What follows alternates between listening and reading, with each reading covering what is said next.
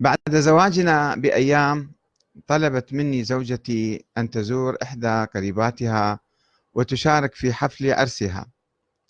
فرفضت وقلت لها أن الأجواء الأمنية في تلك المنطقة متوترة جدا وأخشى عليها من الذهاب إلى هناك. فقالت إذا نستخير الله تعالى. قلت لها لا مجال للاستخارة هنا.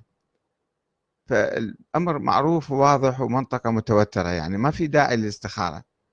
وأصرت هي ورفضت أنا.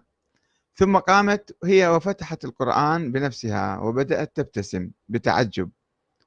وقالت انظر إلى هذه الآية. وإذ تقول للذي أنعم الله عليه وأنعمت عليه أمسك عليك زوجك واتق الله. فاقتنعت بعدم الذهاب.